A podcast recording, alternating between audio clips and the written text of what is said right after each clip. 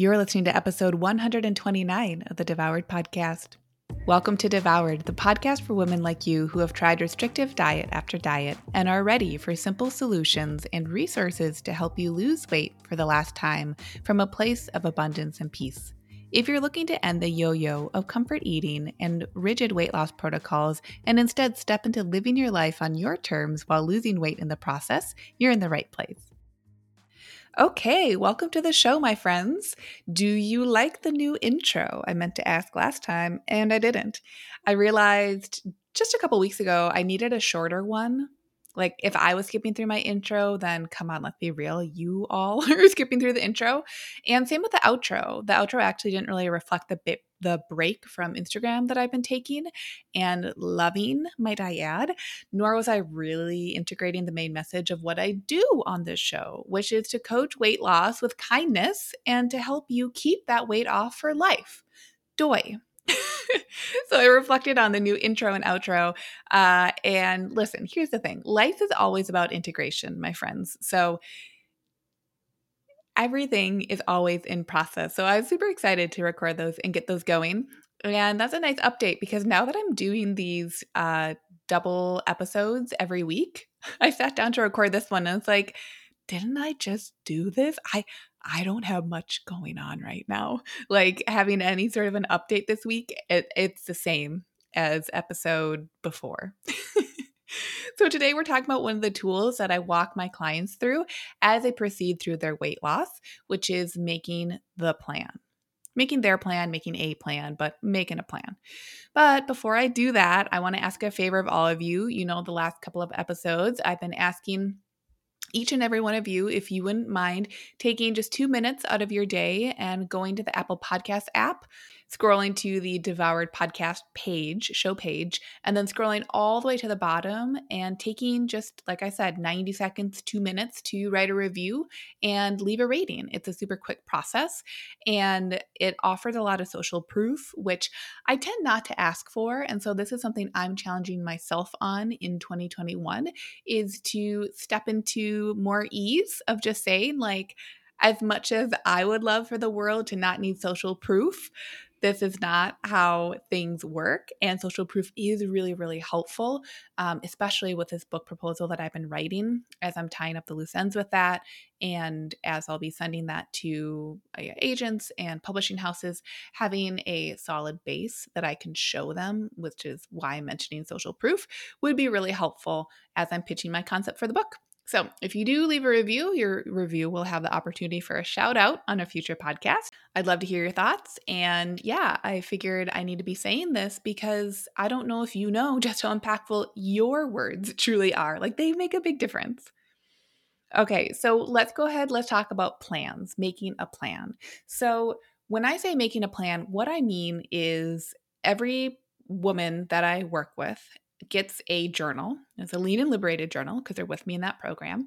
And the journal has two parts to it. It has a daily page, which they fill out daily, every single day of the week. And then it has a week in review page. So every seven days, there's an opportunity to reflect back on the last seven days and what you've noticed. So with this journal, it is a really integral part of the process. And when it comes to weight loss without restrictive diets, why a journal is so important is that we can make a plan from a place that is drastically and wildly different than the types of plans that we have probably made while we were on diet. So I'm going to explain that more fully in a minute, but let me first start with this, okay? When when we're talking about plans, most of us choose our foods from reactionary space. Now, ideally, especially around weight loss, when we're creating changes in our lives, we want to choose our foods from a reflective, reasonable space where we feel safe with our choices.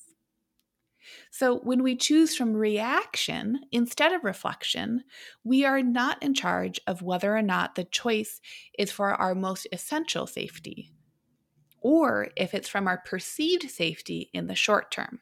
So, to say that another way, when we make choices from a place of stress in the moment, what our bodies want is to get us out of that stress.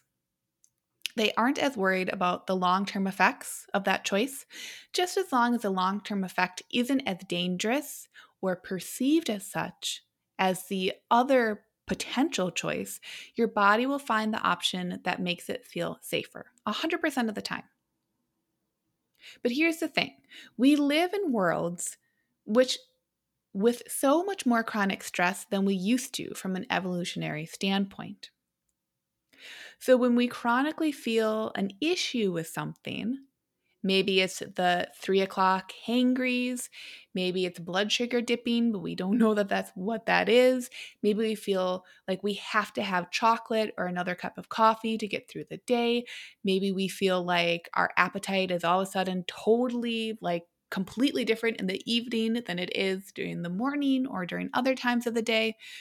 When we chronically feel like there's an issue with something, like any one of those things that I just described as examples could be issues, I find that the best way to quote unquote handle that issue is to first off understand our stress response.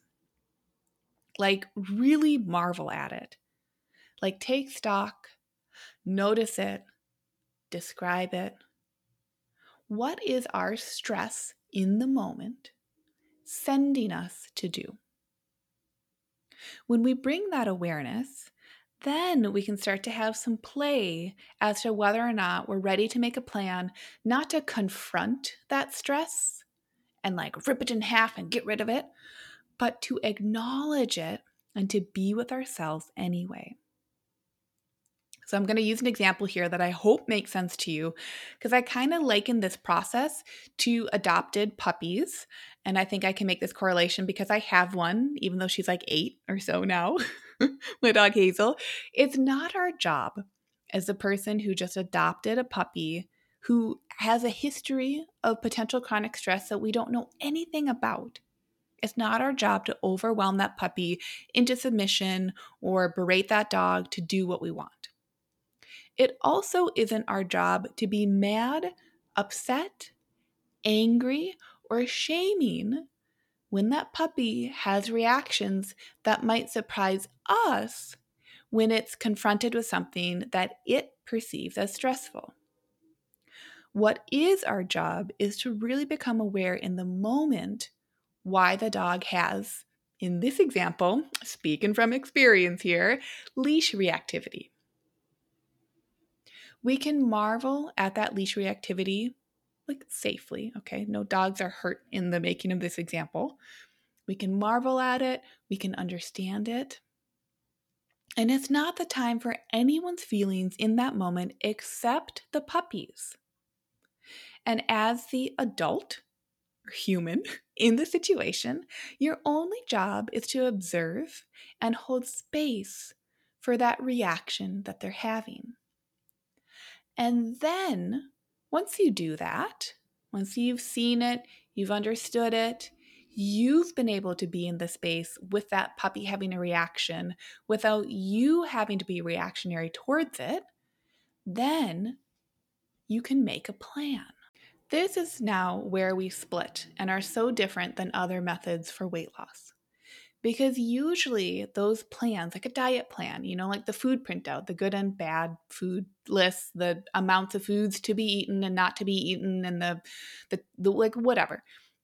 Usually those plans are seated not from a place of compassion and curiosity and working with our lives which includes working with stress but instead those plans are often trying to overpower and almost like win over the stress. But when that happens, inevitably, bad feelings arise from that cycle that we've never known or have been trained or taught how to manage and deal with. And so we have feelings about an experience that we now have to be managing on top of an experience that is already provoking feelings. Are you getting the relationship with that example of the puppy? It's like us having reactions to the puppy being in reaction and now having a whole lot of reactions that we have to be managing. Like, aren't we amazing? Our brains. so, I've given you enough background now. The plan that I use with clients is in the journal, like I mentioned, and it's broken down into a few key parts so I'm going to describe them And then hold on to the example that I just gave you with a puppy because it'll keep making more sense as I describe the journal, okay? So the journal's broken down into and like you can write this stuff down and use it if you want. This is this is helpful. Like this is what we do day in day out. The the journal is broken down into um, on the daily pages. It's the date and the day of the week. There's a section in the journal for 60 seconds of free journaling, which is another fancy way to say a brain dump, which I find incredibly helpful. There's a section to imagine the future and to really put yourself in there from a place of your senses. What are you seeing? What are you feeling? What are you hearing? What are you noticing? There's also a space for gratitude slash appreciation. And then there's our plan for tomorrow or today. If you're journaling earlier in the day, my clients can do either. So, this is the plan. Okay, we get all that juicy stuff out, we clear our heads. The plan includes a space for their fasting window, which could literally be as short or as long as how they sleep, by the way. A space for their meals, where they're writing out and planning ahead of time what foods they're choosing to eat a space to rate how they perceive that plan that they just wrote out about their meals and fasting times. And they have to rate it on a scale of 1 to 10. Once they rate it, they have another section where they can go back to the plan and remake it or make amends to it if, once they rated it, that plan was a 7 or lower on a scale of 1 to 10. So then they remake the plan or amend it as needed. And then here's the thing their job is to stick to their plan and notice all the thoughts that come up for them as they stick with it that next day or, you know, during the day. So here's what happens as we do this. First, when we stick to a plan, we see what our current relationship with ourself is we we have to like make the foundational effort to understand WTF is my relationship with myself. And we see this in a variety of ways. Like, did we plan an awesome day with food for ourselves? Do we feel like we have that ability to? Are we feeling nervous about that? Do we feel out to sea? Did we plan tiny morsels and insufficient food? Why is all of that? How does it feel to stick with the plan? And conversely, if we don't stick with the plan, then again, we have so much space to now start to see why that is.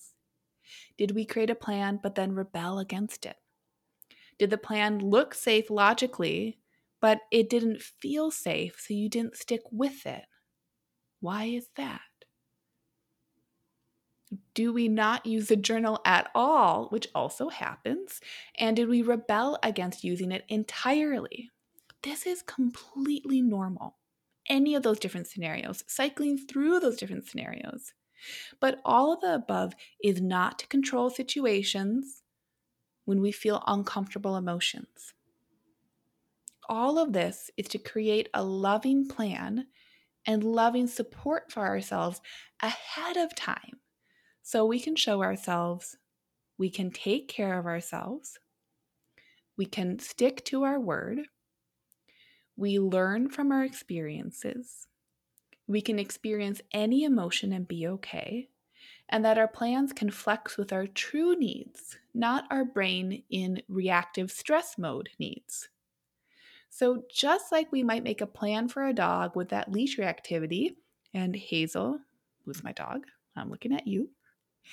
If we try to coerce and force that dog into submission, will that last? 100% not. And at some point, the dog will rebel against its actual needs never actually being met by its owner. The dog had leash reactivity because it didn't feel safe, and it chose an option like reacting or having big reactions that made it feel safe in the moment. We have to teach using a plan a way to come back to the stressful moment and neutralize perceived stress from a place of loving because we can right? For the leash reactivity, our first our way to feel more safe is probably going to a park and having Hazel, and this is what we do, having Hazel look at other dogs from 50 feet away because that feels safe for her. And over time, as she's ready, maybe it's from 40 feet away, and then 30 feet away. And then we work up, never forcing interactions that are unsafe in her mind, but creating proof and evidence that everything is okay. And her experience of emotions from far away are also okay. It's just fine if she whimpers or her hackles go up a little bit as she's looking at other dogs. That's all within her wheelhouse. And we're simply attending to her needs by showing up to them and making the plan to do so. I say it often. We come to our habits innocently because they served us at one point. They may no longer serve us now, and we can come to our present moment with loving awareness that we're truly ready for a change. And the change can still feel weird and uncomfortable even in the process, which is what happens a lot for women when they're really deciding, okay, I have X, Y, and Z reasons why I'm desiring a weight loss goal. I'm going to go for it. We can hold space for ourselves in a change and it can still feel weird. But that's okay. Nothing's gone wrong there. Just like planning your meals the day before from a mind that feels safe. And that's important. We're not planning our meals ahead because we don't trust ourselves the next day. We're planning our meals ahead of time from a place of loving awareness, of being able to meet our actual needs from a brain that feels safe and that is not in reactive mode in the moment because you know how to feed yourself. So, have you ever tried that before? Making a plan from a place of love and awareness, following through with it, and then learning from that experience and doing it the next day from a place of love, from a place of safety that all urges, right? The two o'clock chocolate, whatever, feeling like we have to eat this, we have to eat that, feeling like we can't eat this, we can't eat that, not eating all day and then binging at night, feeling like weekdays and weekends are radically different. From a place of safety that all those urges, all those habits can be allowed and no longer judged. We have to judge the dog that had a whole history before we adopted it? No. What does the judging do? It's trying to create and white knuckle control in a situation where more control is exactly what it doesn't need. You may be amazed what comes up when you make your plan and stick with it during the day. That is the radical loving. And that is the radical self care.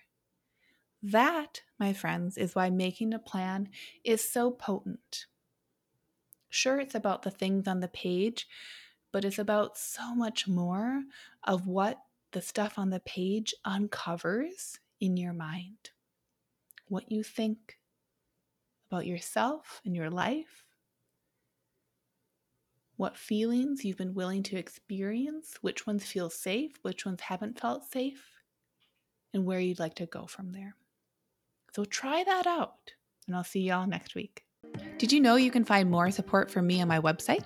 Go to Lucia Hawley, L U C I A H A W L E Y dot com to connect.